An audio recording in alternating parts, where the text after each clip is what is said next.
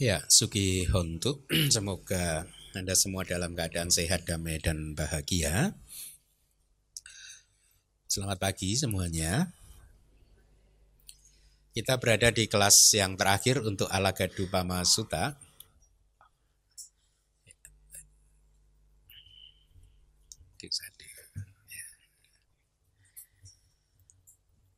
Sambil menunggu yang lain untuk menempatkan diri, mendapatkan tempatnya.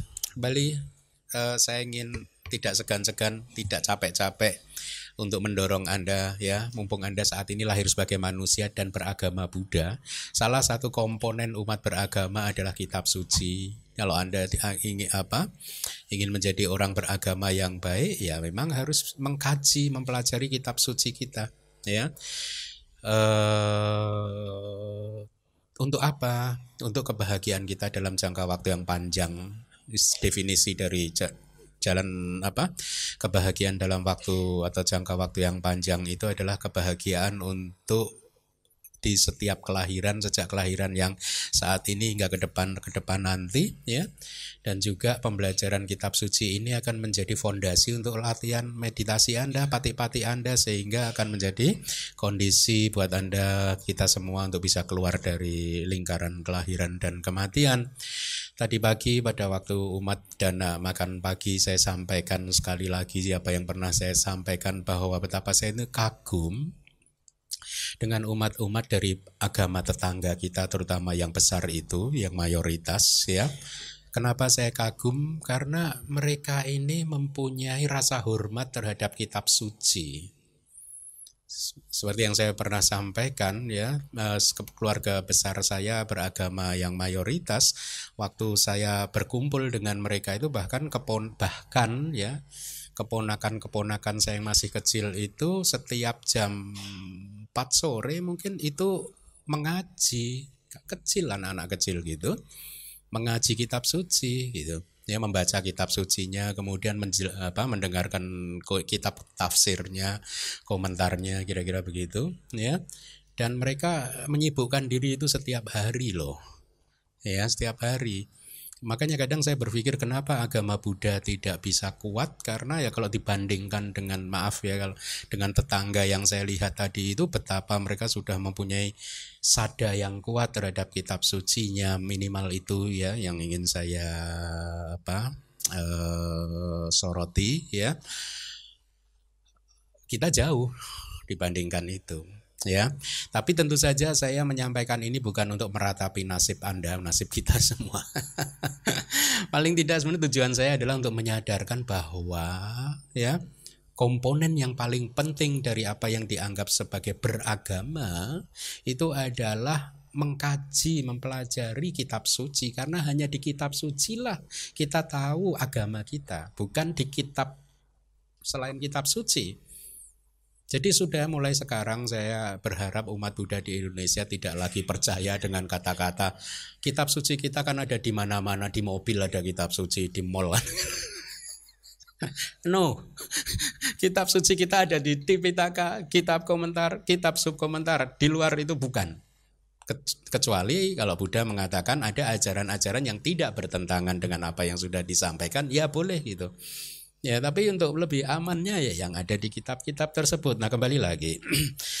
Sekali lagi yang ingin saya tekankan hanyalah bahwa uh, mumpung Anda sudah lahir sebagai manusia kali ini karena ini adalah kelahiran yang sangat sulit untuk didapat Kemarin ada yang mengatakan kepada saya salah satu umat katanya saya tidak benar. Salah satu Seadoji yang cukup terkenal mengatakan bahwa hanya satu persen atau 99 persen manusia ini nanti akan lahir ke apa ya sembilan itu beliau menga saya tidak tahu ini benar atau tidak ya eh, yang disampaikan oleh umat apakah beliau menyampaikan angka seperti itu. Kalaupun itu disampaikan saya juga mengiyakan membenarkannya bahkan mungkin 99,99% persen itu akan lahir ke apa ya. Kenapa? Karena di beberapa suta paling tidak ada tiga empat suta yang saya ketahui Buddha itu menyampaikan bahwa kelahiran di alam manusia ini sulit sekali dan memang sebagian besar manusia ini akan yang non putujan uh, yang non Arya ya yang belum tercerahkan sebagian besar memang harus turun ke apa ya ngeri nggak Huh? Serem kan kalau begitu kan? Padahal saya juga udah menyampaikan ini berkali-kali ya tahun lalu atau dua tahun lalu gitu ya. Nah oke, okay, bukan untuk menteror Anda. Lalu apa yang harus kita kerjakan sekarang? Lakukanlah kebajikan dengan benar. Ya, jangan berpikir bahwa kebajikan itu hanya berdana saja. Ya, selama ini kan umat cenderung taunya kebajikan fokus berdana berdana. Memang Anda murah hati. Tapi ingat loh, ada 10 kebajikan loh, 10 landasan untuk berbuat baik loh. Selain dana masih ada 9 lagi. Salah satunya itu mendengarkan kata-kata Buddha ya atau mengkaji kitab suci seperti ini, mempelajari kitab suci seperti ini gitu. Beberapa waktu yang sudah agak lama ada umat yang mengatakan kita sebagai umat nggak perlulah belajar kitab suci sampai sebegitu detailnya, malah dilarang. Waktu disampaikan ke saya loh, kan mendengarkan kitab suci itu kan bagus, itu kan kebajikan sama dengan berdana, kok dilarang? Nah, orang cenderung untuk menuruti larangan-larangan untuk mempelajari kitab suci, tetapi umat cenderung untuk menolak larangan yang ada orang yang melarang jangan berdana lah. Jangan berdana terlalu sering lah. Anda pasti kok kamu gitu sih? Itu pandangan salah gitu ya. Benar tidak sih? Nah sama sebenarnya kalau ada orang yang menyarankan nggak usah belajar kitab suci terlalu detail lah. Anda juga harus mengatakan kok kamu ngomong gitu sih itu pandangan salah loh. Nah gitu dong sama dong. Ya jadi kembali lagi ya. Tujuan saya adalah tadi pagi juga saya sampaikan bahwa kami di sini karena ada tamu dari luar kota tadi pagi saya sampaikan bahwa kami di sini berjuang untuk mempopulerkan kitab suci karena hanya dengan mempelajari kitab suci lah maka Anda akan mendapatkan kebajikan yang bisa berbuah besar. Ibarat benih yang ditanam buahnya itu ada yang kecil, ada yang menengah, ada yang besar. Kita kan pengen buahnya yang besar. Ada yang manis, ada yang pahit, ada yang masam dan seterusnya. Macam-macam buahnya benih yang ditanam sama. Demikian pula dengan kebajikan. Kebajikan yang ditanam oleh masing-masing dari kita ini buahnya bisa berbeda-beda. Ada yang buahnya kecil menengah besar masam pahit pak manis. Nah kita tentu ingin yang besar dan manis. Kebajikan yang buahnya besar dan manis itu apa? Pencapaian jana, maga, pala, nibana Tujuan kita itu sehingga dengan demikian kita bisa mengakhiri penderitaan. Ya, mari kita kembali ke topik di kelas Pariyati Sasana also known as yang hmm. Baik kalau gitu kita lanjutkan perjalanan. Ya, also known as kajian kitab suci. Uh, saya minta petugas untuk membacakan sutanya. Oke. Okay. Wahai para biku, biku ini disebut sebagai seorang yang balok penghalangnya telah diangkat, seorang yang paritnya telah penuh, seorang yang pilarnya telah diangkat, seorang yang tanpa baut, orang suci yang benderanya telah diturunkan seorang yang bebannya telah diturunkan, seorang yang tidak terikat.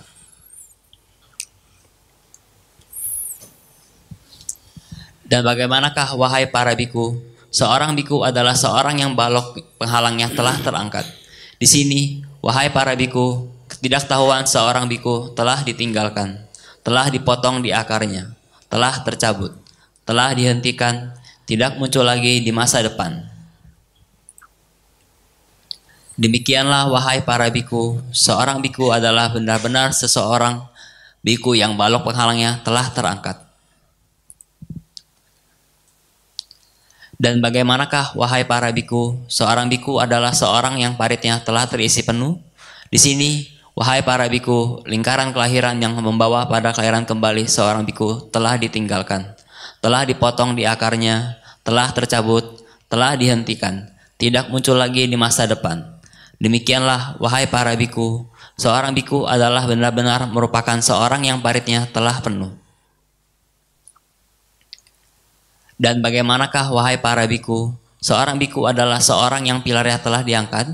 Di sini, wahai para biku, kausan seorang biku telah ditinggalkan, telah dipotong akar di akarnya, telah tercabut, telah dihentikan, tidak muncul lagi di masa depan. Demikianlah wahai para biku, seorang biku adalah benar-benar merupakan seorang yang pilarnya telah diangkat. Dan bagaimanakah wahai para biku, seorang biku adalah seorang yang tanpa baut. Di sini, wahai para biku, lima belenggu yang lebih rendah milik seorang biku telah ditinggalkan, telah dipotong di akarnya, telah tercabut, telah dihentikan, tidak muncul lagi di masa depan. Demikianlah wahai para biku, seorang biku adalah benar-benar seorang yang tanpa baut. Dan bagaimanakah wahai para biku, seorang biku adalah orang suci yang bendera yang telah diturunkan? Di sini, wahai para biku, kesombongan tentang aku, seorang biku telah ditinggalkan, telah dipotong di akarnya, telah tercabut, telah dihentikan, tidak muncul lagi di masa depan. Demikianlah wahai para biku, Seorang biku adalah benar-benar orang suci yang benderanya telah diturutkan. Wahai para biku, ketika para dewa bersama dengan Indah, bersama dengan Brahma, dan bersama dengan Pajapati dalam pencarian terhadap seorang biku dengan kesadaran yang telah benar-benar terbebas demikian itu, mereka tidak menemukan apa pun yang membuat mereka bisa berkata,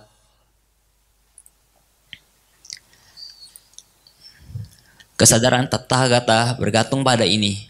Apa yang menjadi sebabnya? Wahai para biku, aku katakan bahwa Tathagata tidak terlacak di sini dan saat ini. Wahai para biku, beberapa pertapa dan brahmana tanpa dasar, sembarangan, dengan dusta dan dengan keliru menafsirkan aku dengan berkata demikian, menyampaikan demikian.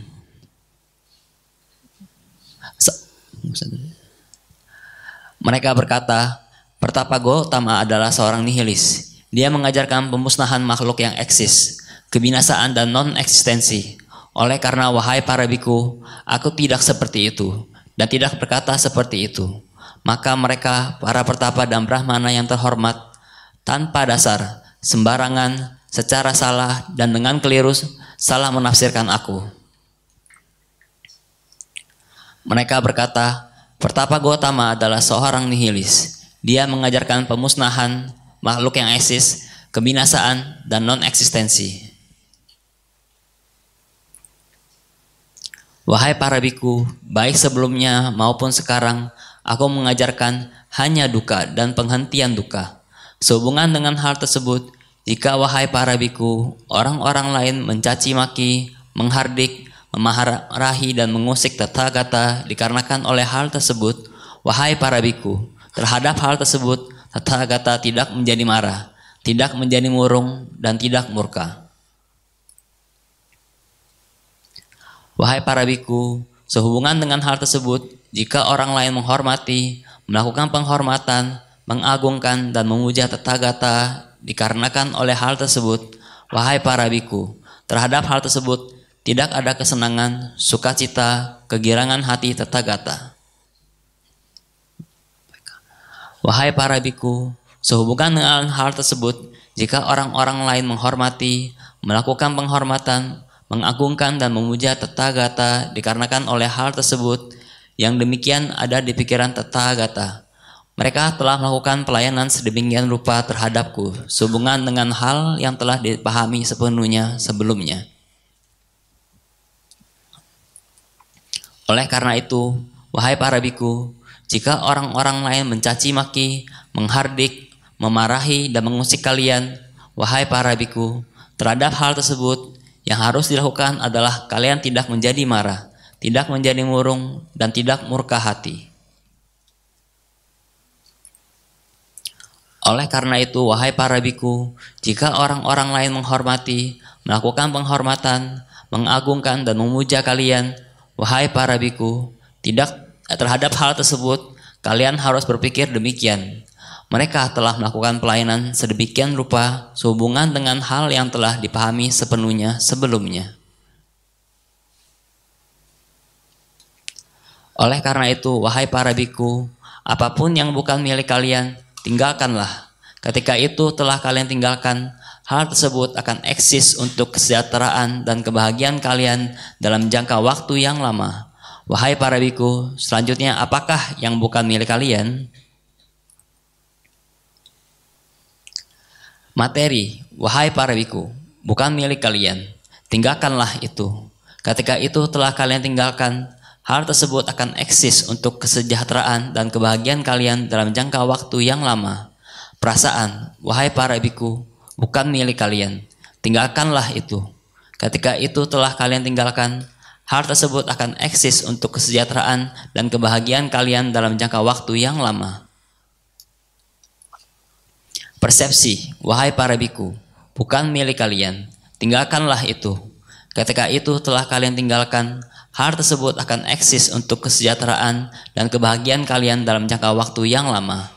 Formasi-formasi kehendak, wahai para biku, bukan milik kalian. Tinggalkanlah itu. Ketika itu telah kalian tinggalkan, hal tersebut akan eksis untuk kesejahteraan dan kebahagiaan kalian dalam jangka waktu yang lama.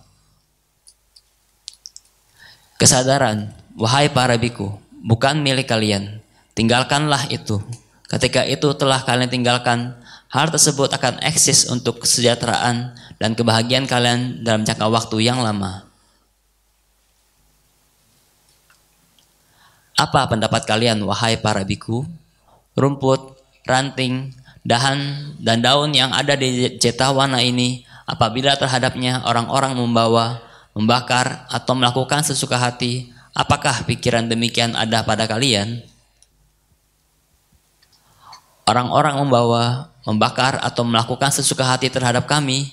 Sungguh tidak, wahai Bante. Apa yang menjadi penyebabnya? Wahai Bante, sungguh itu bukan diri atau sesuatu yang menjadi milik diri kami. Demikian juga wahai para biku, apa pun yang bukan milik kalian, tinggalkanlah. Hal tersebut akan eksis untuk kesejahteraan dan kebahagiaan kalian dalam jangka waktu yang lama.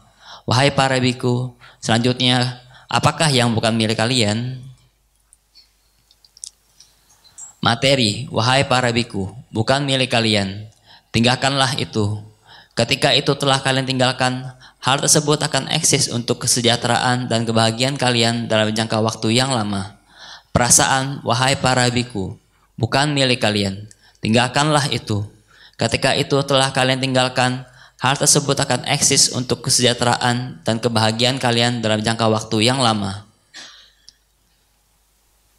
Wahai para biku, dhamma yang telah dinyatakan dengan sempurna olehku demikian itu adalah jelas, terbuka, telah diperlihatkan dan seperti kain usang yang telah dihancurkan. Di dalam dhamma yang dinyatakan dengan sempurna olehku demikian itu, wahai para biku, yang jelas, terbuka, telah diperlihatkan dan seperti kain usang yang telah dihancurkan, para biku tersebut yang adalah para arahat, mereka yang noda batinnya telah dihancurkan, yang telah mencapai kesempurnaan, yang telah mengejarkan apa yang harus dikerjakan, yang telah meletakkan beban, yang telah mencapai tujuan yang ideal, yang telah menghancurkan secara total semua belenggu eksistensi, telah memahami secara sempurna, telah terbebas. Untuk mereka tidak ada lagi pengungkapan siklus kelahiran kematian. Wahai para biku, dhamma yang telah dinyatakan dengan sempurna olehku, demikian itu adalah jelas, terbuka, telah diperlihatkan dan seperti kain usang yang telah dihancurkan. Di dalam dhamma yang dinyatakan dengan sempurna olehku demikian itu, wahai para biku, yang jelas, terbuka, telah diperlihatkan dan seperti kain usang yang telah dihancurkan, para biku yang telah meninggalkan lima belenggu yang lebih bawah, mereka semua adalah makhluk yang akan lahir secara spontan di kediaman murni dan mencari nibbana di akhir di sana tanpa pernah kembali lagi dari dunia tersebut.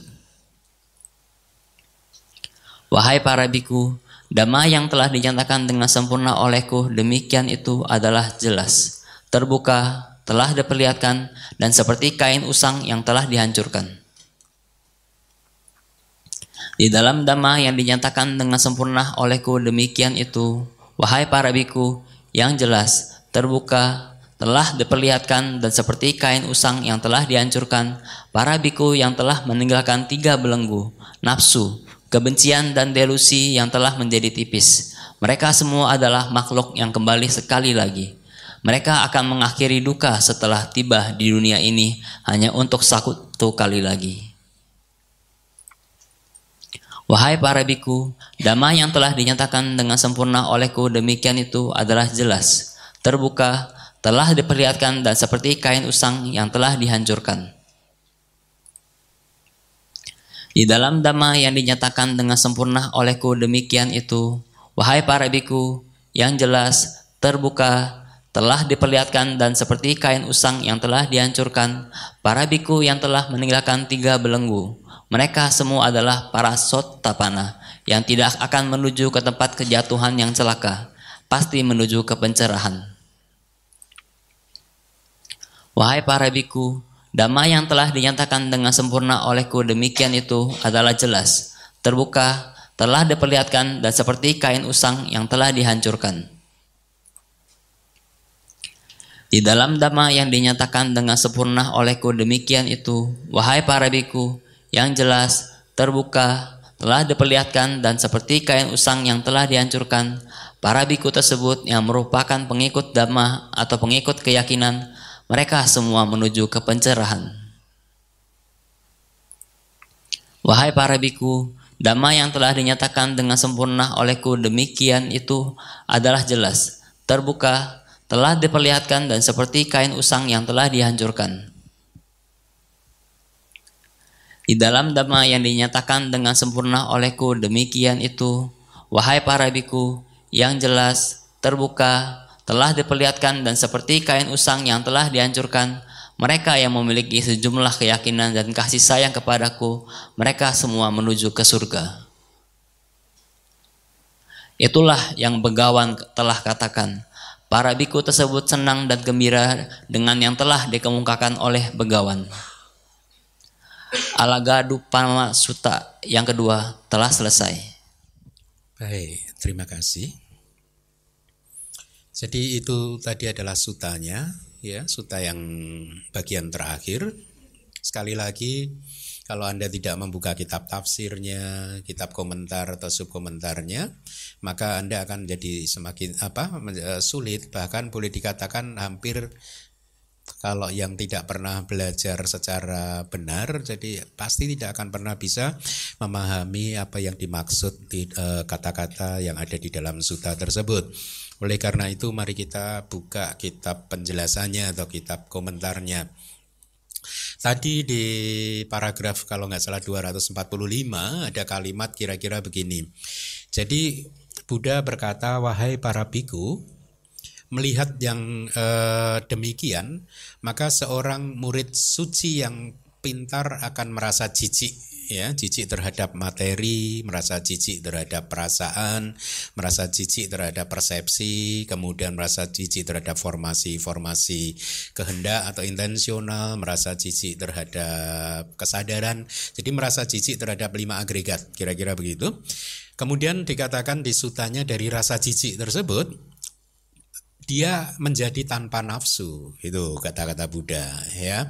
Dari keadaan tanpa nafsu tersebut dia akan menjadi terbebas. Ketika telah terbebas, maka akan ada pengetahuan dari yang bersangkutan untuk mengetahui bahwa oh ini telah terbebas atau saya telah terbebas. Dan dia akan memahami bahwa kelahiran telah dihancurkan, kehidupan suci telah dijalankan, yang seharusnya dilakukan telah dilakukan untuk keadaan yang sekarang ini sudah tidak ada lagi yang lebih dari ini.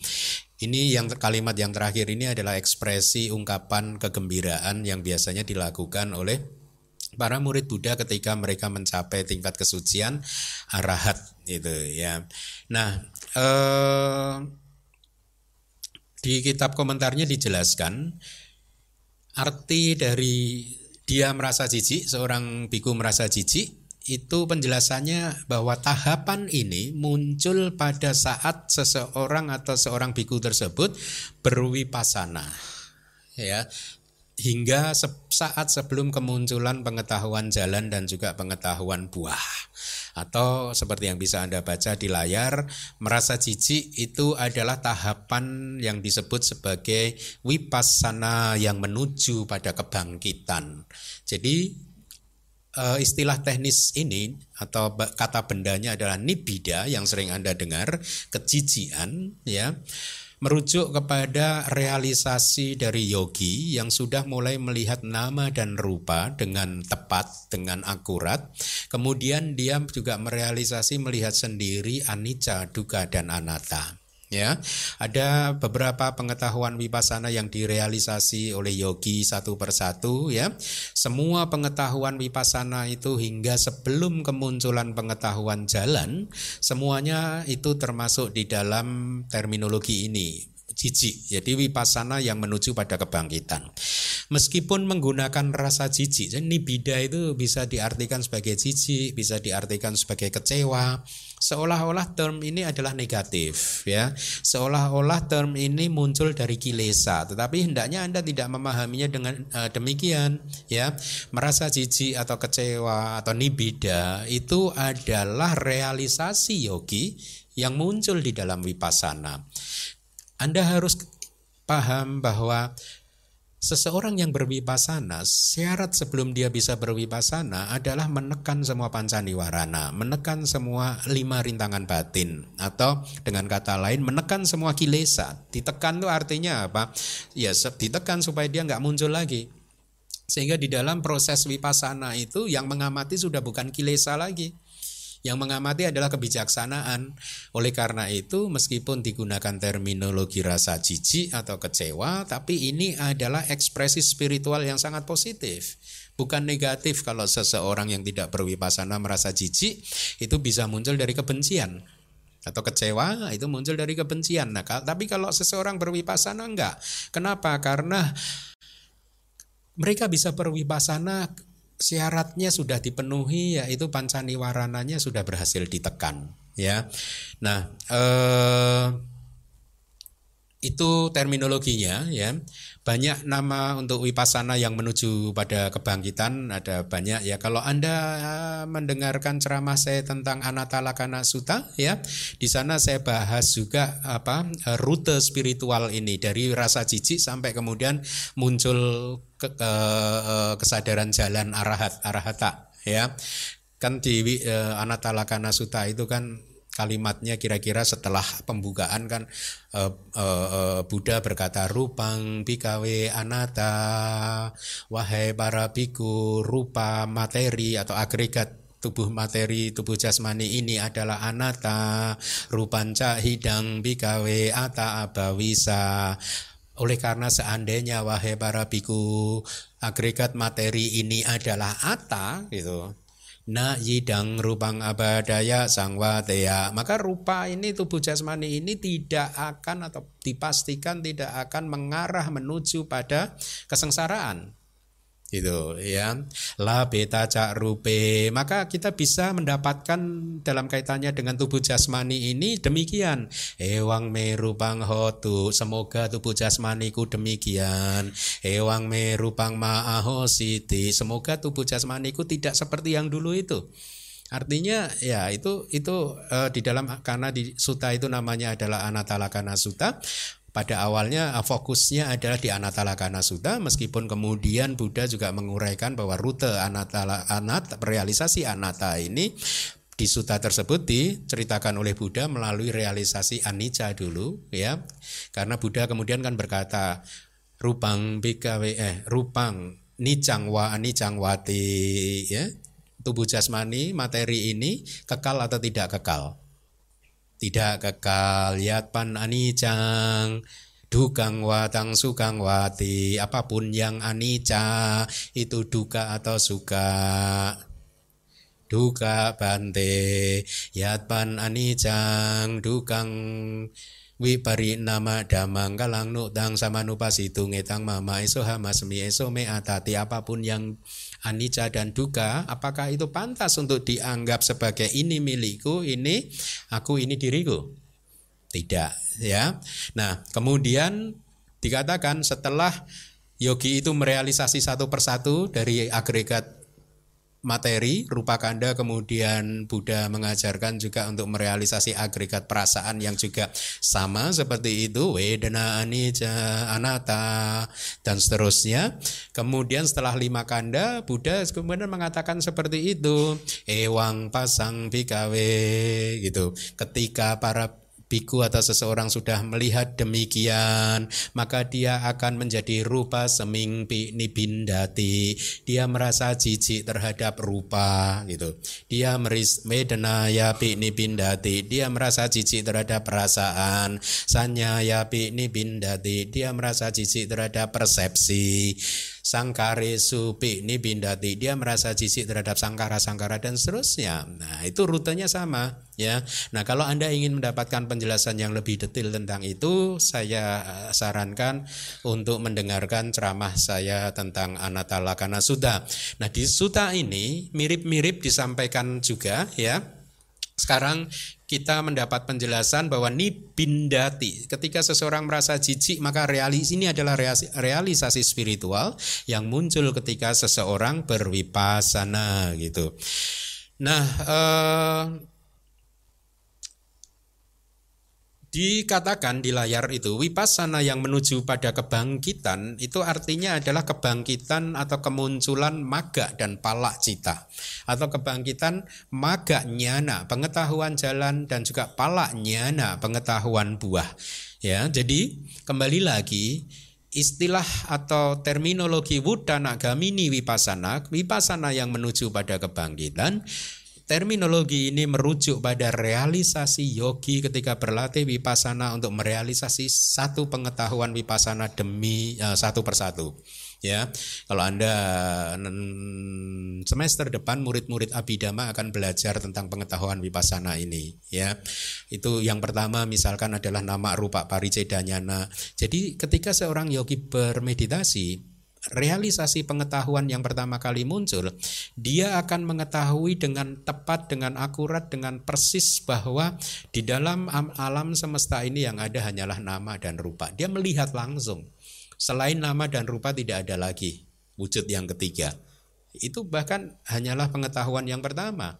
Setelah itu dia akan merealisasi lagi pengetahuan yang kedua bahwa segala sesuatu yang muncul itu karena ada sebab atau kondisinya. Hubungan sebab dan akibat akan dia lihat dengan jelas sekali. Setelah itu dia akan mulai melihat lagi semakin jelas konsentrasinya, kebijaksanaannya semakin berkembang. Dia akan mulai melihat fenomena nama dan rupa itu dengan makin jelas dia bisa melihat kemunculannya, proses berlangsungnya sampai sampai kemudian hilangnya. Muncul proses berlangsung hilang. Dia melihat itu dengan jelas. Satu persatu sampai kemunculan maga dan pala. Nah, semua pengetahuan hingga sebelum kemunculan maga dan pala itulah yang dimaksud sebagai wipasana yang menuju pada kebangkitan. Dia akan merasa jijik terhadap nama rupa karena ternyata mengecewakan nama rupa. Tidak seperti yang dia pikirkan sebelumnya bahwa dia bisa bergantung pada nama dan rupa untuk mendapatkan kebahagiaan yang kekal dan abadi tetapi itu ternyata tidak bisa. Nah di paragraf yang kedua di layar banyak nama untuk wipasana yang menuju pada kebangkitan. Yang pertama adalah puncak dari persepsi ya seperti yang uh, saya sering sampaikan di kelas Abidama. Sesungguhnya pada awalnya yang terjadi adalah persepsi kita yang terdistorsi ini di, di, dibersihkan ketika seseorang berwipasana. Persepsi yang salah, persepsi yang kotor ini dibersihkan sehingga menjadi benar gitu. Makanya di sini dikatakan wipasana yang menuju kebangkitan itu adalah puncak dari persepsi atau pengetahuan tentang stabilitas dhamma.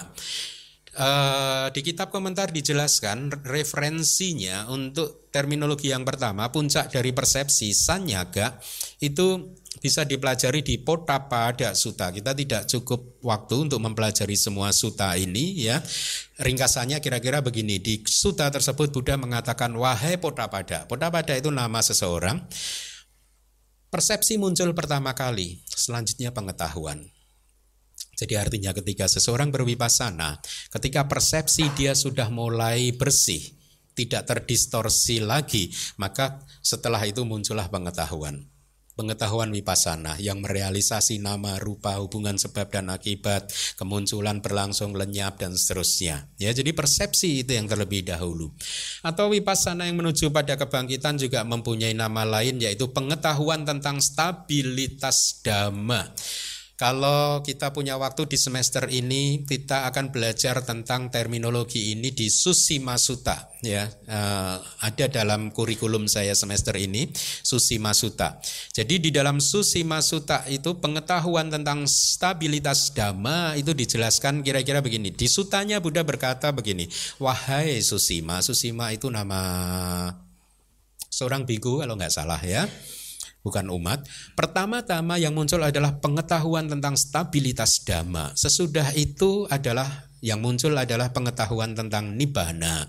Kitab komentarnya menjelaskan dhamma titik nyana atau stabilitas tentang dhamma itu adalah pengetahuan wipasana yang muncul secara berurutan guna merealisasi anicca, dukkha dan anatta. Setelah itu baru pengetahuan tentang nibbana itu muncul yaitu apa? Ketika dia merealisasi maga nyana, pengetahuan jalan, ya. Jadi demikian, itu istilah-istilah teknis yang bagus untuk Anda pahami. Istilah yang lain adalah faktor yang pantas untuk dikejar untuk kemurnian atau untuk kesucian ya. Kemudian jadi tadi e, wipasana itu adalah pantas untuk dikejar untuk kesucian. Kenyataannya kalau seseorang ingin suci, jalan satu-satunya ya wipasana ya. Tapi jangan jangan diartikan loh tuh kan wipasana bukan samata. No. Wipasana baru muncul setelah samata. Jadi wipasana tidak bisa tanpa samata. Ya. Nah, kesucian melalui pengetahuan dan pandangan tentang jalan, pengambilan kualitas yang dibuat oleh itu secara menyeluruh gitu ya. Nah, tentang faktor yang pantas untuk dikejar itu adalah tadi pengetahuan wipasana atau praktek wipasana sendiri.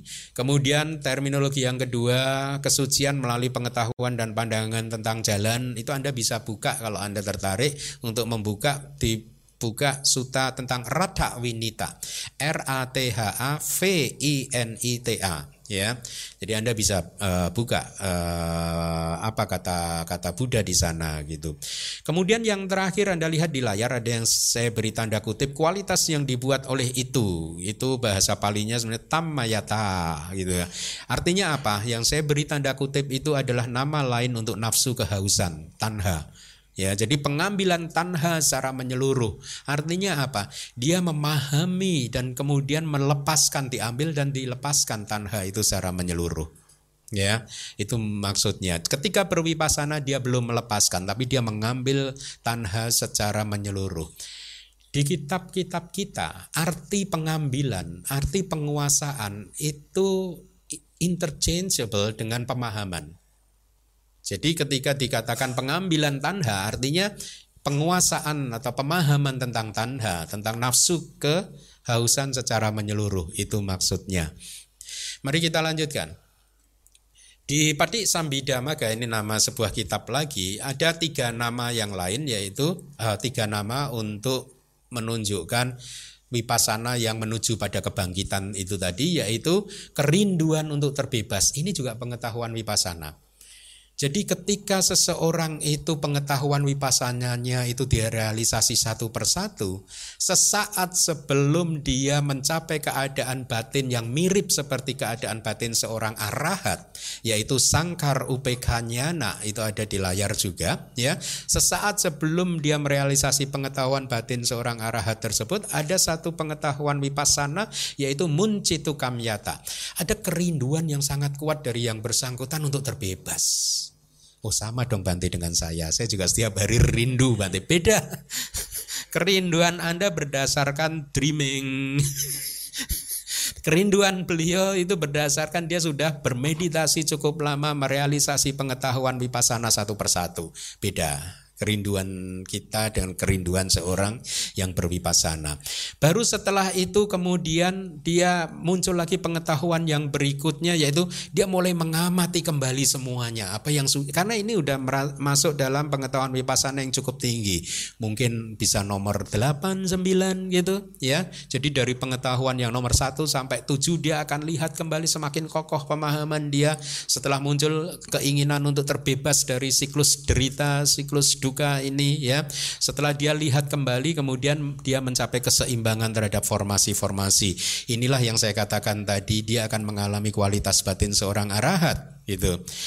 Nah, jadi di Pati Sambidamaga, wipasana yang menuju pada kebangkitan merujuk pada tiga pengetahuan wipasana yang ada di layar tadi. Jadi ini perbedaan penjelasan terminologi terminologi tidak berbeda. Ini hanyalah melihat dari sudut yang berbeda saja, ya.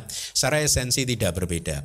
Dhamma-dhamma ini sebagai kesatuan adalah tanda untuk pengetahuan itu sendiri. Nah, sebagai satu kesatuan yaitu tidak lain hanyalah pengetahuan. Makanya tadi saya katakan ketika seorang berwipasana, dia akan merealisasi pengetahuan itu satu persatu. Ya, walaupun ada 10 tingkat pengetahuan tapi secara kolektif mereka itu ya pengetahuan namanya gitu. Tapi direalisasi secara bertahap gitu. Nah, eh, selanjutnya di Padhana, kitab Abhidhamma Pitaka yang terakhir, Praktek wipasana yang menuju kepada kebangkitan memperoleh dua nama, yaitu penyelarasan adalah sebuah kondisi untuk pergantian silsilah dengan melalui kondisi tanpa antara. Penyelarasan adalah sebuah kondisi untuk pemurnian. Ini kalimatnya begitu. Anda butuh penjelasan. Jadi begini, penyelarasan itu adalah atau bahasa palinya anulomanya. Nah, pengetahuan tentang penyelarasan, dia menyelaraskan apa saja. Jadi ketika berwipasana, dia di tahapan yang sesaat sebelum kemunculan maganya. Nah keputusan jalan eh, pengetahuan jalan dia akan menyelaraskan nama dan rupa gitu ya. Jadi pengetahuan ini muncul sesaat sebelum apa yang secara teknis disebut sebagai pengetahuan tentang pergantian silsilah. Jadi ketika berwipasana, seorang pudujana ketika hendak mencapai tingkat kesucian sotapana, dia akan merealisasi gotra bunyana. Gotra bunyana itu adalah pengetahuan tentang pergantian silsilah. Menarik ya. Silsilahnya yang berganti apa? Dia sesaat lagi, sesaat kemudian akan berganti silsilahnya dari silsilah lama yaitu dia berasal dari silsilah putujana silsilah orang awam yang belum tercerahkan berganti pada dengan silsilah Arya orang suci individu-individu suci gitu ya. Jadi penyelarasan ini adalah sesaat sebelum pergantian silsilah ya. Dengan melalui kondisi tanpa antara artinya tidak ada yang diselanya, tidak ada yang menyelanya. Kalau ini adalah pengetahuan penyelarasan muncul, maka setelah ini uh, matang ya, pengetahuan ini matang akan muncul pengetahuan tentang pergantian silsilah. Tidak ada di antaranya lagi. Artinya muncul berurutan begitu ya. Penyelarasan adalah sebuah kondisi untuk pemurnian wodana. Kalau yang pertama tadi adalah kondisi untuk seseorang mencapai sotapana, yang kedua ini berlaku ketika seorang sotapana bermeditasi, kemudian dia akan mencapai sakadagami maga, akan mencapai tingkat kesucian sakadagami ya maka yang muncul sudah bukan pergantian silsilah lagi karena dia sudah berada di silsilah seorang suci. Yang muncul selain pergantian silsilah berubah namanya secara teknis yaitu pemurnian. Jadi batinnya semakin dimurnikan lagi. Oleh karena itu Kalimat yang kedua penyelarasan adalah sebuah kondisi untuk pemurnian itu berlaku untuk seka. Seka itu adalah orang suci yang masih harus berlatih lagi. Merujuk kepada seorang sotapana, sakadagami dan anagami. Mereka bertiga ini di, di, di, disebut sebagai seka. Uh, individu yang masih harus berlatih lagi. Arahat aseka, bukan seka, sudah nggak harus berlatih lagi, sudah selesai ya apa yang harus dikerjakan sudah dia kerjakan. Nah ketika seorang seka akan mencapai maga atau jalan yang lebih tinggi maka sebelum kemunculan jalan yang lebih tinggi akan muncul pemurnian ini itu yang dimaksud ya. Jadi di kalimat di padana di layar ini merujuk kepada dua jenis individu yang berbeda. Kalimat yang pertama merujuk uh, kepada jana yang akan mencapai tingkat kesucian sotapana.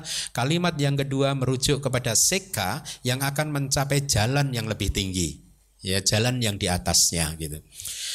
Kemudian tadi kan dikatakan ewang pasang bikawe sutawa arya sawako rupa seming bini bindati wedana ya bini bindati sanya ya bini bindati sangkare supini bindati winyana seming ni bindati gitu ya. Ketika dia melihat yang demikian wahai para biku dia merasa jijik terhadap rupa dia merasa jijik terhadap perasaan, dia merasa jijik terhadap persepsi, dia merasa jijik terhadap formasi-formasi, dia merasa jijik terhadap kesadaran. Itu maksudnya, ya. Jadi kemudian Nibindang wirajati Ketika dia telah merasa jijik Maka muncullah keadaan tanpa nafsu wirajati ya. Nah, dijelaskan di kitab komentar rasa jijik adalah tadi berwipasana, munculnya pengetahuan wipasana. Tanpa nafsu, keadaan tanpa nafsu atau kata bendanya adalah wiraga. Ya, kalau kata kerjanya itu di layar wirajati. Kata bendanya wiraga ya, tanpa nafsu, fading away bahasa Inggrisnya kadang uh, suka diterjemahkan seperti itu. Itu artinya adalah jalan, kemunculan jalan. Kemunculan kesadaran jalan, kemunculan pengetahuan jalan yang menghancurkan kilesa, ya. Kemudian wiraga wimucati ya. Dari keadaan tanpa nafsu dia kemudian menjadi terbebas. Jadi ini rute spiritualnya Ketika seseorang mau berwipasana, kemudian dia berwipasana setelah merealisasi pengetahuan wipasana, puncaknya hasil dari efek dari latihan wipasana ketika telah mencapai puncak adalah kemunculan pengetahuan jalan, ya. Itulah yang disebut sebagai tadi diekspresikan sebagai keadaan batin yang tanpa nafsu, kemudian setelah itu akan muncul atau dia menjadi terbebas, itu adalah kemunculan pengetahuan buah atau palaknya. Nah, kemudian ketika telah terbebas ada pengetahuan. Kalau yang paham abidama mengerti ini, ini ada di momen penelaahan pacawekana di dalam proses kognitif ya. Jadi setelah kemunculan buah akan muncul menarik sekali. Ketika dikatakan seorang yogi sudah mencapai jalan dan buah, setelah itu secara otomatis batinnya itu akan condong untuk menelaah pengalaman dia dan dia akan batinnya akan secara otomatis akan melihat kilesa apa saja yang baru saja telah uh, dihancurkan. Terus kilesa mana saja yang belum dihancurkan gitu ya ini tadi kesadaran jalan yang mana buah yang mana terus nibananya semua ditelaah itu terjadi secara otomatis karena batinnya sudah sangat lentur ketika dia mencapai maka pala kemudian setelah itu keluar dari pala batinnya akan condong untuk menelaah pengalaman meditasinya nah Uh, itu tadi penjelasan dari terminologi-terminologi. Jadi sekali lagi, terminologi nibida itu merujuk pada apa? Ikuti saya wipasana yang menuju pada kebangkitan. Ya belum bangkit tapi sedang menuju ke arah kebangkitan ya. Nah tadi di uh, suta ada kalimat ya Wahai para biku, biku ini disebut sebagai seorang yang balok penghalangnya telah diangkat dan seterusnya gitu.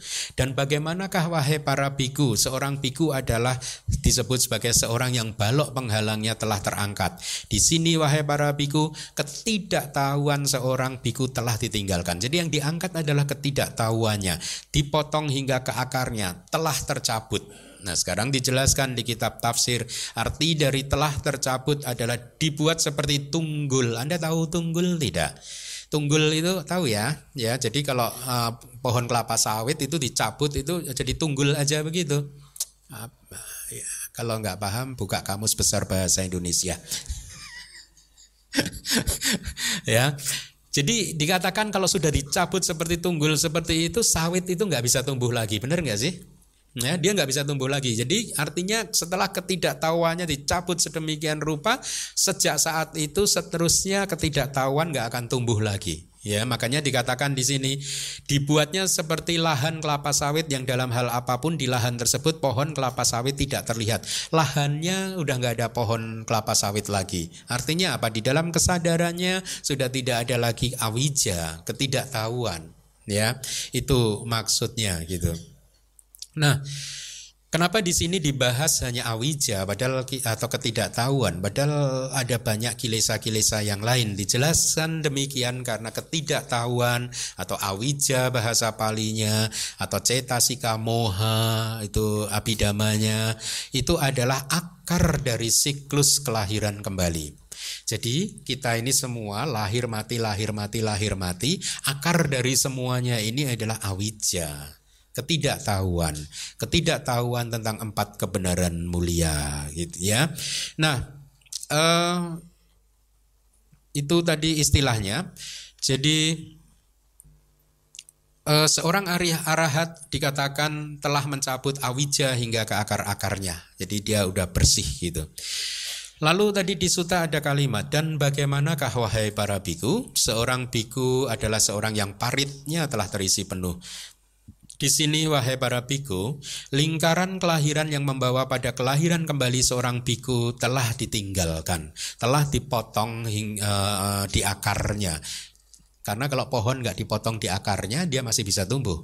Ini dihancurkan dari akarnya, jadi dia udah nggak bisa tumbuh lagi. Kilesanya dihancurkan di akarnya, di awijanya, sehingga sudah tidak bisa tumbuh lagi gitu. Uh, jadi arti dari lingkaran kelahiran yang telah ditinggalkan, jadi lingkaran kelahiran di sini adalah akumulasi kama, ya, sebagai kondisi untuk kelahiran kembali atau kemunculan kembali agregat-agregat ini, ya, uh, itu yang disebut dari uh, sebagai lingkaran kelahiran. Kemudian ada lagi kalimat di dalam suta dan bagaimanakah wahai para biku seorang biku adalah seorang yang pilarnya telah diangkat. Di sini wahai para biku kehausan seorang biku telah ditinggalkan. Kehausan atau nafsu kehausan bahasa palingnya tanha. Ini adalah kebenaran mulia yang kedua. Jadi tanha telah ditinggalkan, telah dipotong di akarnya, telah tercabut, telah dihentikan, tidak muncul lagi di masa depan. Demikianlah wahai para biku seorang biku adalah benar-benar merupakan seorang yang pilarnya telah diangkat. Jadi pilar diangkat itu merujuk kepada tanha yang telah dihancurkan. Nafsu kehausan merupakan akar dari siklus kelahiran kembali. Sebenarnya kalau di dalam teks sering kali disebutkan akar dari samsara ini, akar dari siklus kelahiran kembali ini itu adalah awija dan tanha. Tapi akar yang paling dalam adalah awija itu.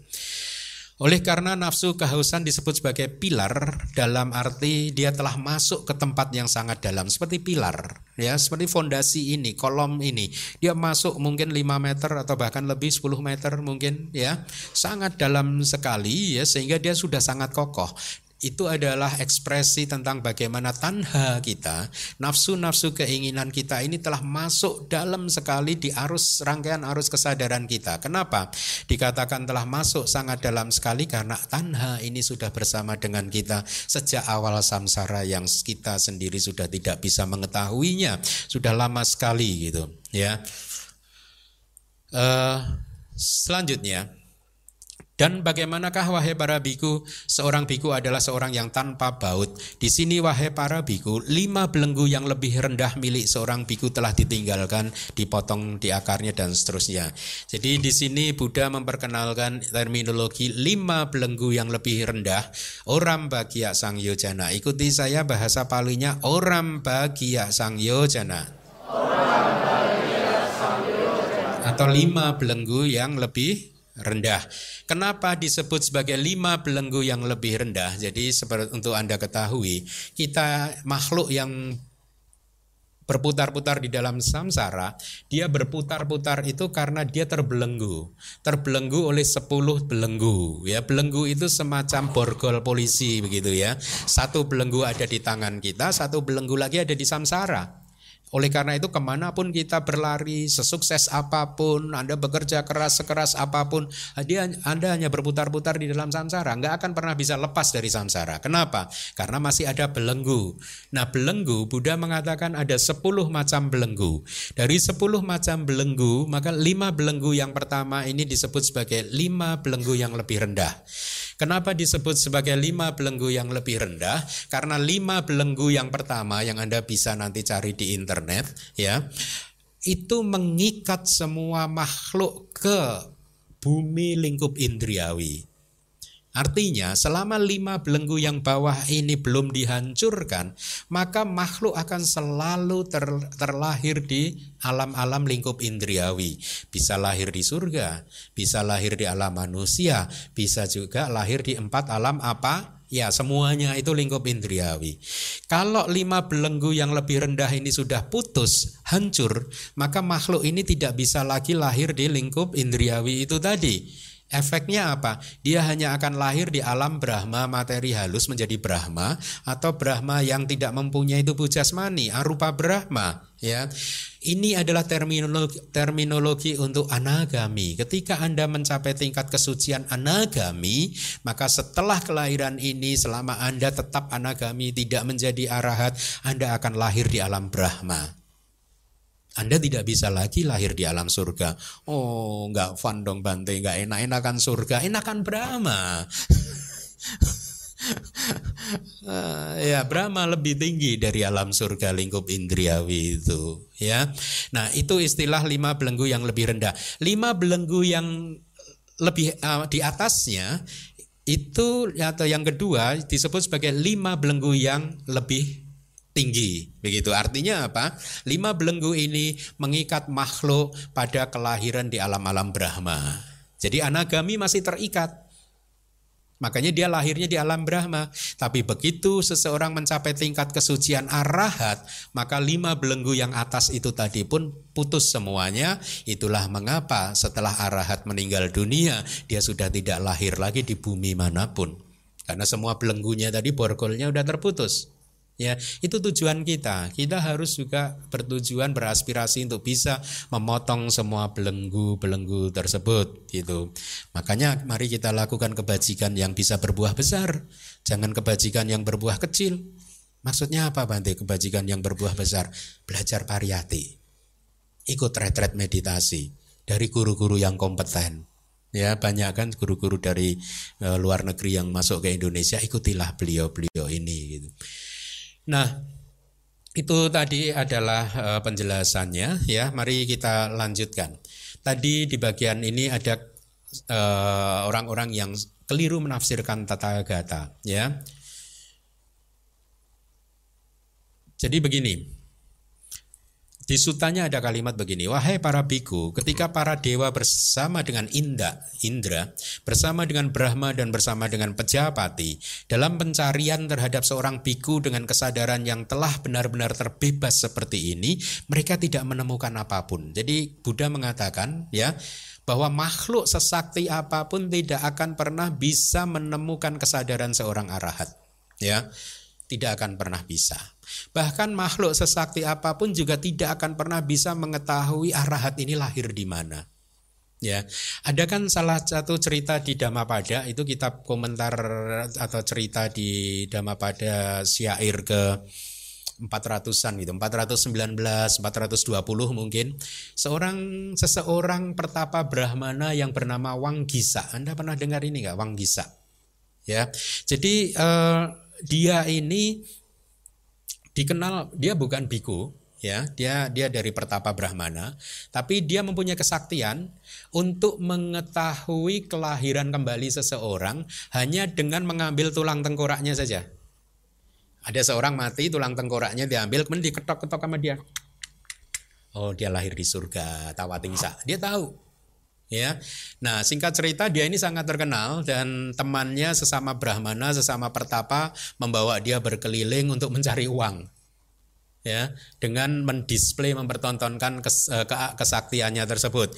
Jadi orang-orang pun ingin mengetahui kelahiran dari family-familinya akan datang kepada dia dan atas jasanya itu dia kemudian akan memberikan uang. Dikatakan seperti itu. Tok tok tok tok. Oh ini lahir di neraka. Nah, nah setelah sekian lama akhirnya singkat cerita untuk memperpendek cerita dia bertemu dengan Buddha. Ya. Buddha mengetahui maksudnya. Dia ingin show off, ingin men-challenge Buddha. Akhirnya Buddha meminta salah satu biku, uh, wahai biku, tolong ambilkan saya lupa empat tulang tengkorak atau lima tulang tengkorak gitu. Jadi ya, kalau saya tidak salah ingat satu tulang tengkorak itu adalah tulang tengkorak manusia yang sudah lahir ke apa ya, satu yang su sudah lahir ke alam manusia, Buddha tahu itu, satu lagi ke alam surga, empat berarti satu lagi arahat. Kira-kira begitu ya, saya mungkin bisa salah di empat atau lima gitu. Nah, pada saat dia mengetok tulang tengkorak orang yang lahir di apa ya dia tahu tok tok tok tok apa ya. Oke, teng benar. Kemudian tulang tengkorak yang kedua tok tok tok tok manusia. Teng benar. Ketiga tok tok tok tok surga. Teng benar. Itu keempat arahat. Tok tok tok tok lemot ya kayak komputer loading terus gitu akhirnya menyerah nggak tahu dia lahir di mana itu true story kalau kita mempunyai sadar terhadap cerita di Dhammapada jadi sesuai dengan apa yang dikatakan di Suta tadi bahwa tidak ada siapa pun yang bisa mengerti kualitas kesadaran arahat. Kecuali tentu Buddha ya. Kalau di Abhidhamma dijelaskan ya hanya seorang seseorang yang sudah mencapai tingkat kesucian tertentu dimungkinkan dia bisa mengetahui kualitas batin temannya itu hanya kalau temannya itu adalah setingkat dengan dia atau di bawahnya. Artinya kalau dia anagami dia bisa mengetahui kualitas batin anagami yang lain atau sakadagami atau sotapana atau pudujana, tapi dia tidak bisa mengetahui kualitas batin seorang arahat. Kualitas batin seorang arahat bisa mengetahui kualitas batin arahat temannya yang jadi arahat atau di bawahnya itu ya. Tapi dia tidak bisa mengetahui kualitas batin Buddha. Nah, Buddha bisa mengetahui ini semuanya. Nah, jadi di suta tadi dikatakan demikian, tidak ada yang bisa mengetahui kualitas uh, uh, batin yang demikian itu ya kemudian Buddha juga mengatakan kesadaran tata gata bergantung pada ini nggak ada yang bisa tahu. Apa yang menjadi penyebabnya? Tadi Buddha berkata wahai para biku aku katakan bahwa tata gata tidak terlacak di sini dan saat ini. Jadi tidak ada yang bisa melacak kualitas kesadaran Buddha di sini dan saat ini. Artinya ketika Buddha itu masih hidup pada saat itu masih hidup saja tidak bisa terlacak apalagi setelah parinibbana Sehubungan dengan hal tersebut, di dalam kata yang pertama tidak eksis ini adalah artinya wahai para biku, aku tidak menyatakan bahwa makhluk individu atau seorang yang asawanya telah dihancurkan gitu. Tata gata adalah makhluk atau tata gata adalah makhluk yang berlangsung terus di sini dan saat ini gitu. Jadi eh, tidak bisa dilacak bahwa kesadarannya bergantung pada apa Selanjutnya, seorang yang telah memasuki nibana akhir artinya parinibana ya dan asawanya telah dihancurkan adalah tidak diikuti dengan pati sandi, tidak diikuti dengan penyambung kelahiran kembali. Artinya dia tidak lahir lagi. Apa yang akan aku katakan terhadap makhluk atau individu seperti itu? Tata gata adalah tidak terlacak. Jadi di masa lalu dikatakan ada seseorang yang salah menafsirkan kualitas batin seorang uh, arahat dan juga gata gitu. Ya. Uh, kemudian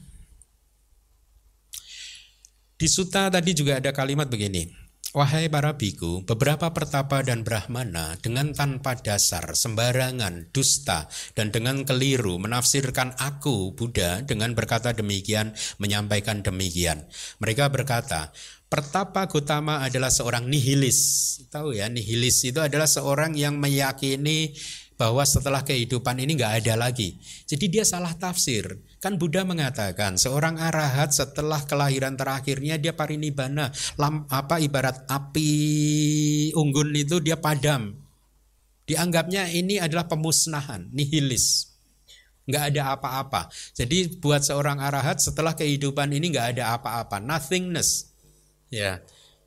Salah tafsir. Karena ini kalau kalau di dalam ajaran Buddha, pandangan salah itu bercabang ada dua cabang besar dari pandangan salah. Pandangan salah cabang pertama, cabang besar yang pertama adalah pandangan salah tentang kekekalan. Setelah ini seorang akan hidup kekal abadi. Cabang besar yang kedua adalah pandangan salah tentang pemusnahan. Setelah hidup ini udah nggak ada apa-apa lagi. Nah, waktu dia mendengarkan ceramah atau penjelasan dari Tata Gata bahwa seorang arahat setelah ini nggak ada apa-apa lagi, nggak akan lahir lagi, dia salah tafsir. Dia menuduh Tata Gata seorang nihilis yang mempromosikan ajaran tentang pemusnahan begitu. Dia mengajarkan pemusnahan makhluk yang eksis, kebinasaan dan non eksistensi gitu kata sutanya kan. Oleh karena itu wahai para biku, aku tidak seperti itu dan tidak berkata seperti itu. Maka mereka, para pertapa dan brahmana yang terhormat tersebut, dengan demikian dia telah tanpa dasar sembarangan secara salah dan dengan keliru menafsirkan aku. Dengan berkata bahwa pertapa Gautama adalah seorang nihilis, dia mengajarkan pemusnahan makhluk yang eksis, kebinasaan dan non-eksistensi gitu. ya. Nah, jadi eh, dijelaskan seorang nihilis atau bahasa palingnya we nayiko gitu Disebut demikian karena dia mempercaya bahwa sesuatu ini hilang atau runtuh ya atau hancur setelah ada. Ya. Maksudnya adalah uh, ada sesuatu yang menyebabkan makhluk itu musnah gitu. Tidak eksis lagi gitu. Terus tadi disanggah oleh Buddha bahwa aku tidak seperti itu. Penjelasannya adalah wahai para biku oleh karena ucapan yang mereka sampaikan, aku bukanlah seorang yang mengajarkan pemusnahan makhluk. Jadi Buddha menolaknya. Aku tidak berkata seperti itu kata Buddha dengan alasan yang disampaikan. Buddha jadi menolak tuduhan tuduhan-tuduhan sebagai seseorang yang mengajarkan pemusnahan makhluk dan sebelumnya. Karena apa?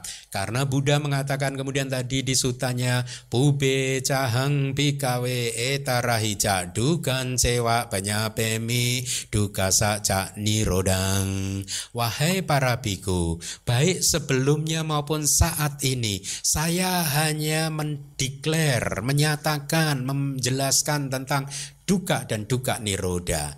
Hanya menjelaskan tentang penderitaan dan juga akhir dari penderitaan. Jadi di beberapa kesempatan Buddha mengatakan ini ya. Nah di kitab komentar dijelaskan baik sebelumnya itu artinya apa? Sejak di Singgasana Mahabodhi di masa lalu.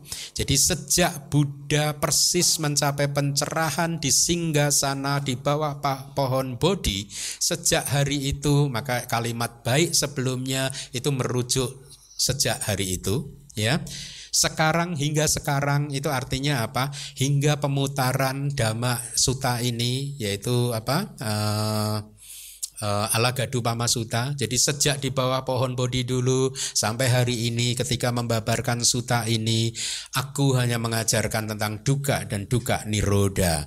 Artinya adalah di kitab komentar dijelaskan bahwa Buddha hanya mengajarkan empat kebenaran mulia. Ketika memutar roda dhamma serta berada di singgasana bodhi di bawah pohon bodhi artinya dan juga ketika sedang membabarkan dhamma sejak dari dhamma cakak pawatana sutta yang beliau ajarkan hanyalah duka dan duka ni roda. Ada berapa yang diajarkan Buddha? Dua, yaitu apa? Duka dan duka niroda. Jadi di sini hendaknya dipahami bahwa dengan melalui pengambilan duka saja, lo Buddha, eh, Bante kenapa hanya dua, duka dan duka niroda? Kan kebenaran mulia ada empat. Makanya lihat kitab komentar. Diambil hanya duka saja, kenapa? Karena harus dipahami bahwa akar dari duka juga termasuk di sini. Karena duka tidak akan eksis tanpa sebab. Oleh karena itu ketika Buddha mengatakan hanya dua, duka dan duka niroda, kitab komentar menjelaskan ketika Buddha mengatakan duka itu merujuk kepada duka dan juga asal mula dari duka. Kebenaran mulia pertama dan kebenaran mulia kedua.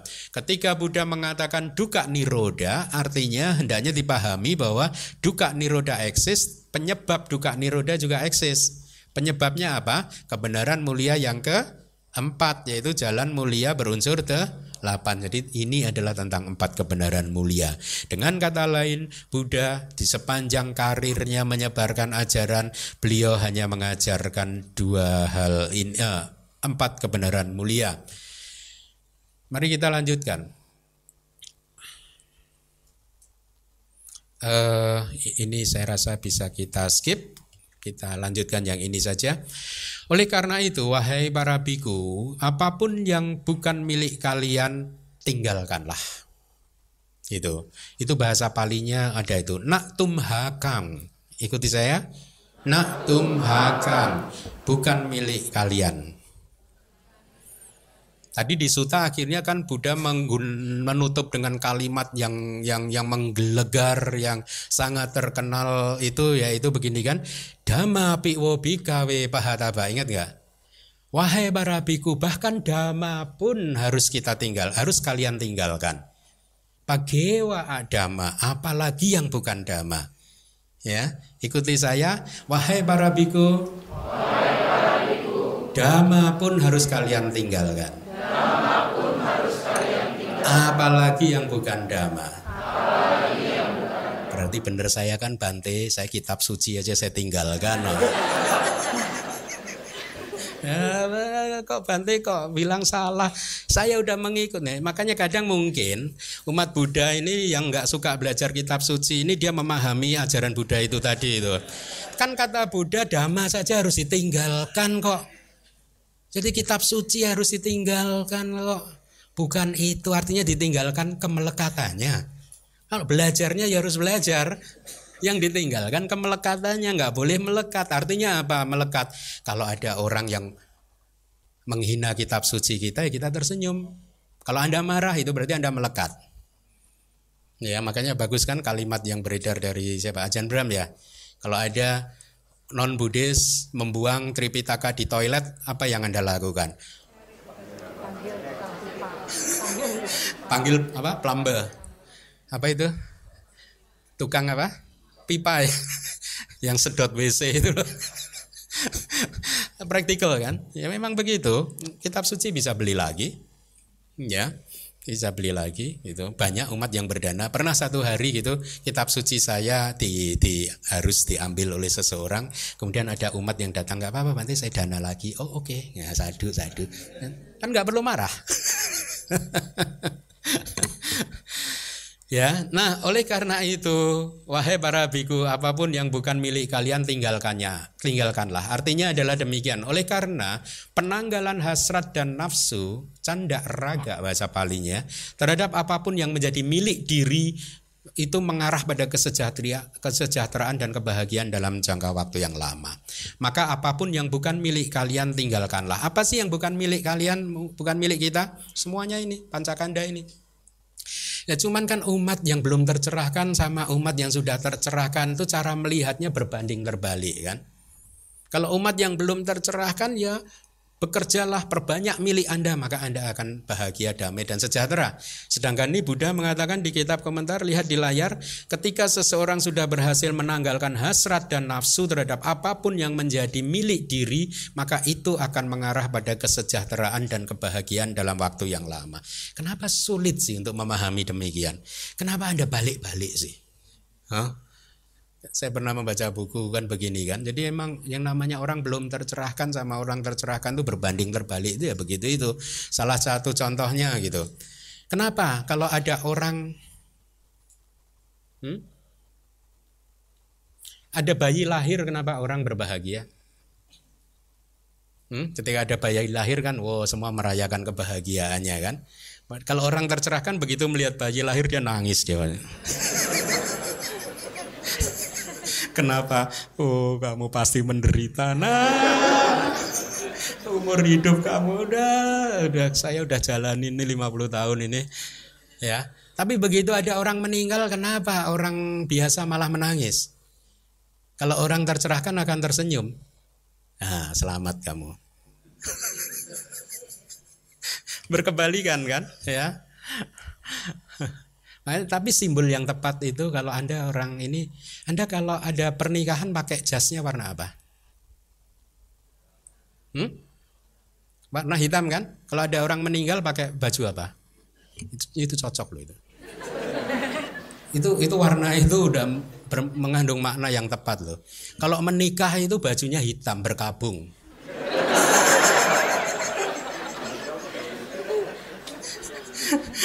Kalau orang meninggal putih bersih. Kenapa? ya. Nah, jadi begitu. Tinggalkanlah hasrat dan nafsu, maka kita akan sejahtera dan bahagia untuk jangka waktu yang lama. Selanjutnya, Demikian juga wahai para biku apa pun yang bukan milik kalian tinggalkanlah ya lima agregat itu ya ini harus uh, kita tinggalkan gitu. Itu artinya berikutnya Tadi ada perumpamaan di dalam dhamma ini ya, seperti kain usang yang telah dihancurkan yaitu kain usang dikatakan sebagai kain tua yang telah hancur, robek, dijahit di sana sini dan seterusnya. Jadi ini perumpamaan tentang sasana yang saya rasa tidak ada penjelasan spesifik yang akan bisa disampaikan. Anda nanti bisa download di website uh, eh, DBS untuk memahami hal ini, membaca hal ini. Dan lebih jauh lagi sampah telah dikatakan sebagai kain yang usang di dalam sasana atau ajaran Buddha ini yang dinamakan para biku yang seperti sampah tidak memperoleh kesempatan untuk berdiri kukuh. Ini agak menarik ya.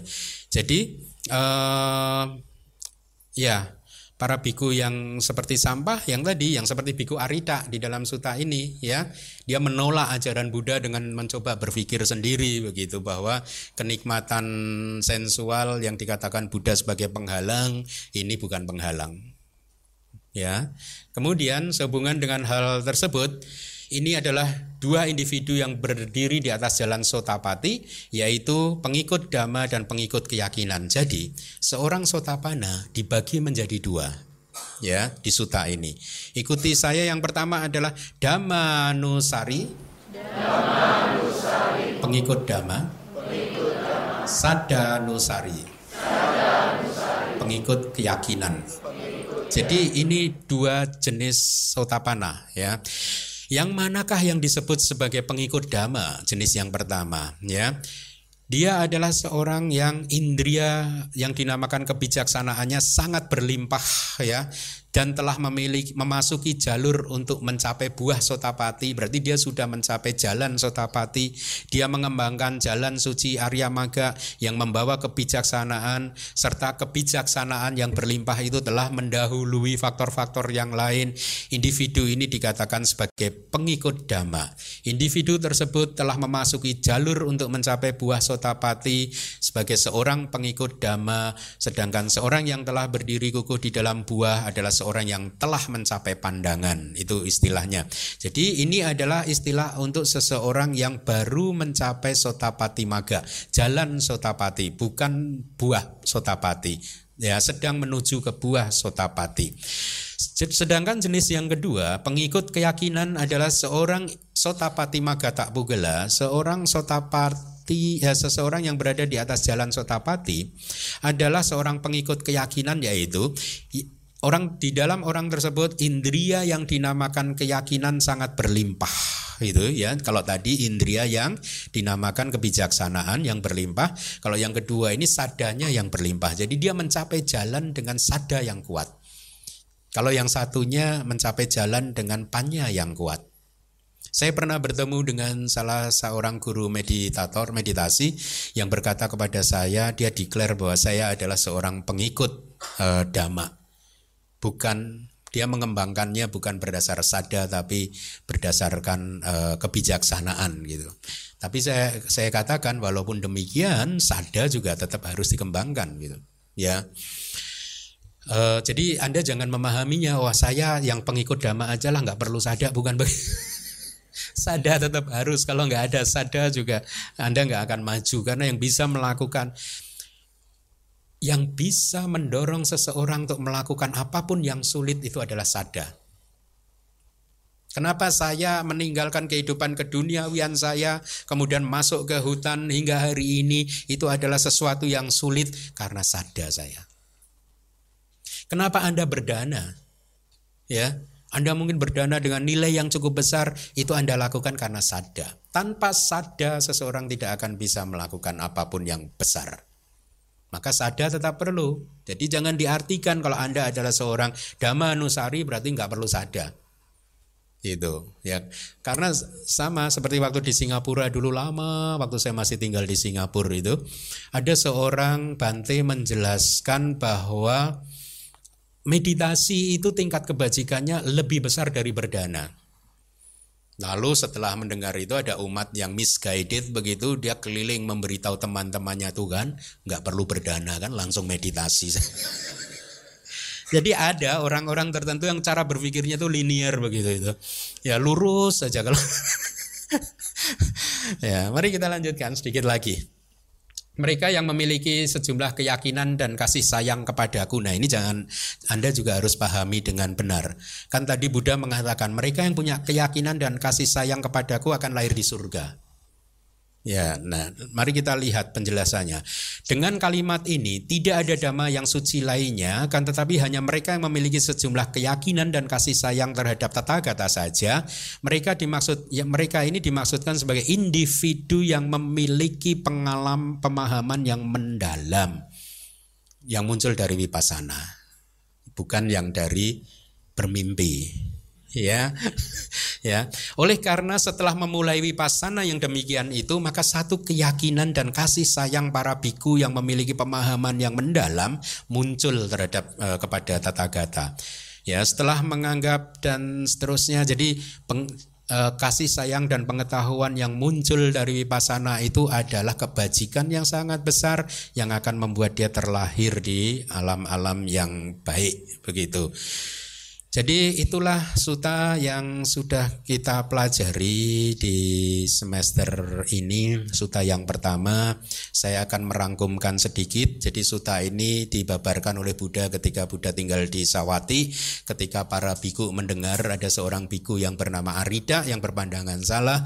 Yang mengatakan dia mendeklar ke mana pun. Mengatakan bahwa apa yang dikatakan Buddha sebagai penghalang menurut dia bukan penghalang. Ya, Kemudian dikata, ditanya oleh para biku dia tetap kekeh pada pandangannya. Akhirnya lapor kepada Buddha dan Buddha meminta para biku untuk memanggil Arita. Setelah dipanggil oleh Buddha ditanya apa benar kamu mempunyai pandangan yang demikian? Bahwa kenikmatan indriawi yang dikatakan oleh Buddha sebagai penghalang itu bukan penghalang. Dia mengatakan, ya menurut saya demikian Buddha. Akhirnya Buddha mengeluarkan uh, pernyataan, ini orang yang salah jalan kan, moga purisa kan, ya. Dan setelah itu Buddha melihat bahwa Arita ini adalah seorang yang sudah tidak bisa berkembang lagi di dalam sasana. Maka hati-hatilah pesan dari suta ini, janganlah Anda menjadi seseorang yang tidak bisa tumbuh berkembang lagi di dalam sasana. Nah kemudian di kitab komentar juga dijelaskan apa saja sih dama-dama yang menjadi penghalang. Kalau Anda masih ingat ada lima kan. Yang pertama adalah kama, yang kedua adalah kilesa, yang ketiga adalah wipaka, kesadaran penyambung kelahiran kembali. Kemudian yang keempat adalah penghinaan terhadap kepada orang-orang suci. Yang kelima adalah pelanggaran. Yang kelima ini khusus untuk biku, pelanggaran-pelanggaran yang berat. Jadi hindarilah dama-dama yang bisa menjadi penghalang. Penghalang itu apa sih? Akan menghalangi siapa pun yang melakukannya untuk satu, menghalangi kelahiran di alam surga dan juga menghalangi pencerahan. Jadi kita harus menghindarkan dari penghalang eh, tersebut. Kemudian Buddha juga di Sutta menyampaikan ada ada dengan perumpamaan ular air kan ada seorang satu orang menangkap ular air dengan cara yang salah duga hita ya ditangkap melalui ekornya sehingga kalau Anda menangkap ular itu dari ekornya ular akan berbalik menyebabkan orang tersebut menjadi mati atau sakit yang mematikan begitu kan? Orang yang kedua menangkap ular dengan cara yang benar yaitu apa? Ditangkap kepalanya sehingga dia tidak digigit oleh ular tersebut. Oleh karena itu kemudian dijelaskan di dalam kitab komentar di dalam belajar Tripitaka Pariyati pun ada tiga jenis orang yang belajar Tripitaka. Yang pertama adalah ala gadak pariyati yaitu seseorang yang belajar seperti menangkap ular secara salah itu tadi. Kenapa? Karena dia belajar dhamma hanya untuk berdebat, untuk mengalahkan orang lain, untuk mengkritik orang lain, untuk mendapatkan uh, apa imbalan-imbalan yang bersifat duniawi. Jadi ini diibaratkan seperti seorang yang menangkap ular dengan cara yang salah tadi. Dia akan mati atau efeknya juga akan sakit yang mematikan ya dia akan menderita untuk jangka waktu yang panjang. Nah seharusnya kita semua ini belajar pariyati adalah dari jenis yang kedua yang disebut nidarana pariyati, yaitu belajar pariyati dengan tekad untuk penyeberangan, untuk menyeberang dari samudra samsara ini supaya bisa sampai ke pantai seberang yaitu nibana, menyeberang empat jenis banjir seperti di Oga Tarana Suta yang pernah saya sampaikan ya. Nah kemudian juga Buddha menyampaikan setelah perumpamaan ular ada perumpamaan rakit kan? Ya kalau orang udah menyeberang sampai ke pantai seberang apa yang harus dilakukan? Apakah rakitnya harus dipanggul dibawa terus keliling ke mana-mana atau dikembalikan lagi atau diletakkan di pantai saja supaya bisa kembali lagi ke sana dan dimanfaatkan oleh orang lain gitu. Nah kemudian di situ kan ada kalimat yang tadi saya katakan dhamma piwo bikawe yang anda suka itu tadi loh yaitu dhamma aja harus kita tinggalkan kan? Enak nggak? Ya itu mungkin ya di Indonesia itu kenapa orang pada nggak suka belajar kitab suci? Karena menurut dia udah loh saya udah melaksanakan nasihat Buddha oh. saya ini kan nggak belajar kitab suci kan menuruti Buddha Bante. Menuruti yang mana? Ya tadi yang Bante katakan dhamma piwo bikawe pahataba pagewa damang dhamma pun harus saya tinggalkan kok Bante. Ya. Ya. nah, itu tadi suta-sutanya. Kemudian juga minggu lalu kita belajar tentang tempat untuk pandangan-pandangan salah kan? Menganggap apa pun ini sebagai etang mama eso hama semi eso meata ini milikku ini aku ini diriku gitu kan? Ya itu adalah uh, pandangan salah Minggu lalu saya sampaikan ini adalah papanca dhamma. Papanca dhamma itu adalah dhamma yang proliferates akan meng, mengembang biakkan jumlah kelahiran dan kematian. Artinya apa? Mereka yang dicengkram oleh itu tadi ini milikku, ini aku dan ini diri itu akan menambah jumlah kelahiran dan kematian. Akan menambah memperpanjang rangkaian agregat kalau bahasa abidamanya. Jadi rangkaian agregatnya akan panjang bisa jadi tanpa ujung, tanpa akhir. Ya, pada saat semua ini ada 500 600 orang di sini 599 dari kita udah parinibana semua ada satu yang belum datang ke DBS sendirian Ya kenapa? Karena dia panjang sekali. Ya papan cak damaknya itu panjang. Etang mama eso hamasmi eso meata gitu.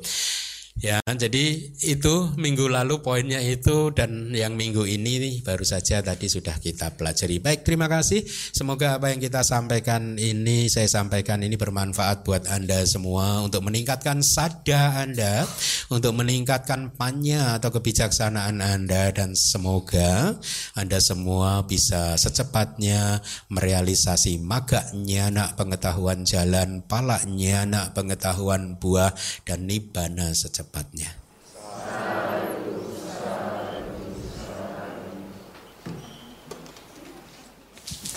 Sukiyoto Bante, tadi di dalam sutanya kan disebutkan ada beberapa hal yang harus ditinggalkan yaitu persepsi, formasi batin dan seterusnya itu.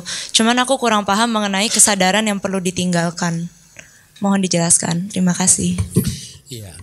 Uh, jadi tadi dijelaskan ada kalimat kuncinya yaitu canda raga. Canda raga itu adalah nafsu dan keinginan atau ini adalah semacam pelekatan terhadap pancakanda. Jadi bukannya ditinggalkan seperti tadi dhamma piwo bikawe pahataba. Dhamma pun ditinggalkan lalu benar-benar ditinggalkan nggak dipelajari begitu? Atau kalau dikatakan tadi rupa ditinggalkan perasaan ditinggalkan persepsi dan sampai kesadaran ditinggalkan itu bukan berarti ditinggalkan uh, seperti benda ini katakanlah ini kesadaran kemudian saya letakkan ke sana kemudian saya tinggalkan. Yang dimaksud dengan ditinggalkan ya canda raganya yang ditinggalkan nafs uh, nafsu dan uh, keinginan yang ditinggalkan. Artinya apa? Tidak melekatinya lagi, ya. Dengan kata lain seperti yang kelas minggu lalu sebenarnya ini masih berhubungan yaitu tidak menganggap ini sebagai etang mama eso hamasmi eso meata ini milikku ini aku dan ini diri. Tetapi hendaknya dipahami bahwa hal ini hanya akan terjadi ketika seseorang merealisasi pengetahuan-pengetahuan wipasana ya ketika dia merealisasi pengetahuan-pengetahuan wipasana satu persatu maka canda dan raganya nafsu dan keinginannya akan terkikis secara bertahap ya. Ketika dia mencapai maga maka ini semua akan terkikis begitu ya. Jadi Uh, lalu apa manfaatnya belajar Bante kalau begitu? Manfaatnya adalah dengan belajar ini seperti memberikan panduan kepada kita tentang bagaimana kita menjalani kehidupan sehari-hari, tentang bagaimana kita mengelola kehidupan kita sehari-hari. Karena kalau kita tidak mempunyai panduan ini, maka kita bisa saja akan menjalani kehidupan ini ke arah yang salah. Ya sekarang Buddha mengajarkan kita nggak boleh melekat terhadap pancakanda ini terhadap lima agregat. Itu pedomannya itu sehingga apa pun meskipun kita belum bisa meninggalkannya melalui pengetahuan wipasana Bedanya begini, kalau seseorang sudah bisa meninggalkan melalui pengetahuan wipasana meskipun dia belum mencapai maga, karena kalau dia sudah mencapai maga, maka kotoran batin kan hancur, jadi nggak bisa muncul lagi. Tapi walaupun dia belum mencapai maga atau jalan, ketika dia sudah berwipasana, maka canda dan raganya ini akan cenderung melemah. Jadi efek yang biasanya terjadi ketika seseorang wipasananya itu sudah berkembang adalah dua poin ini. Satu, kilesa-kilesa akan menjadi semakin jarang muncul.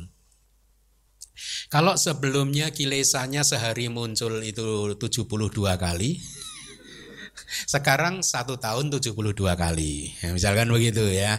Kenapa sih ambil 72 Bante? Jadi akan frekuensinya akan semakin berkurang. Poin kedua, ketika kilesa ini harus muncul ya, dia durasinya memendek. Misalkan seseorang yang biasanya kalau udah jengkel terhadap orang yang dia benci, kejengkelannya itu bisa bertahan satu hari, maka setelah dia berwipasana akan semakin berkurang, semakin berkurang gitu.